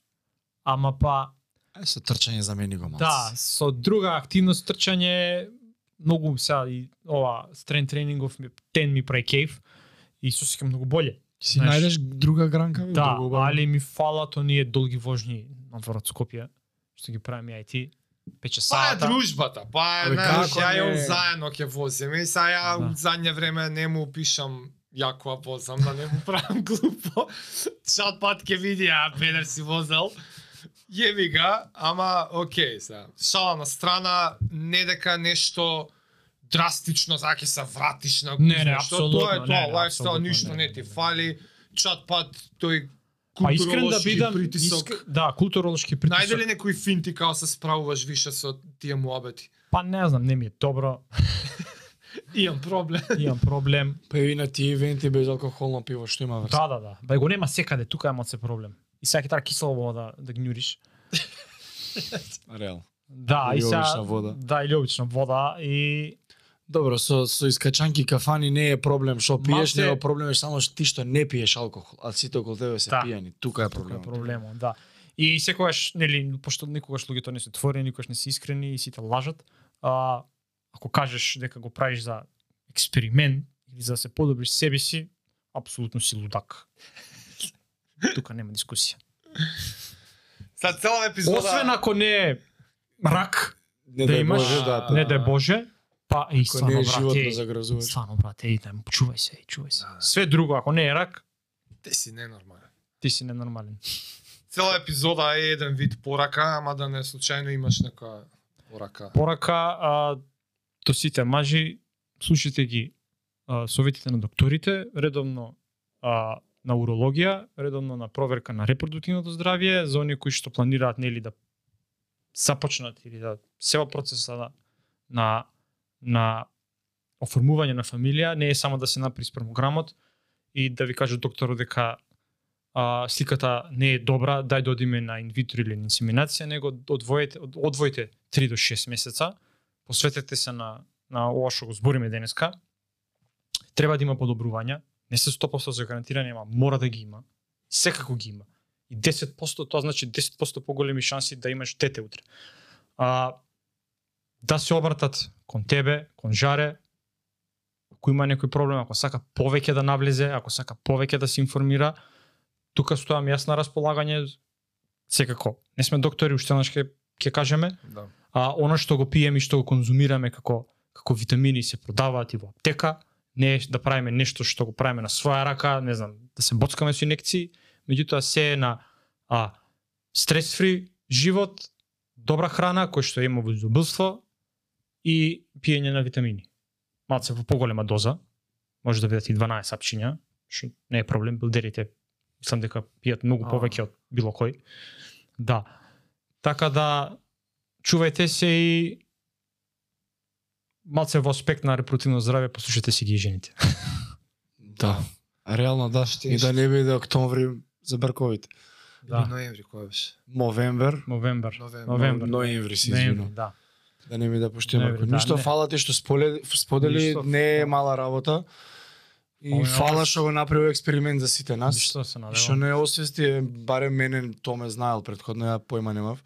Значи ја ќе Што не научи и не едуцирала Хюбермен епизода. Ја еве кажувам и тука лично и тебе ти спомнав, а, планирам редовна пракса да си го правам ова, бар еднаш годишно, иако јас сега за сега завршив со фамилија и праење, ама тоа што спомнав преска како прозор кон општото здравје, мене овие информации многу ми вредат. Мило ми е. Така да здраве брат, фала ептен. Ништо. Здраве за машкото здравје.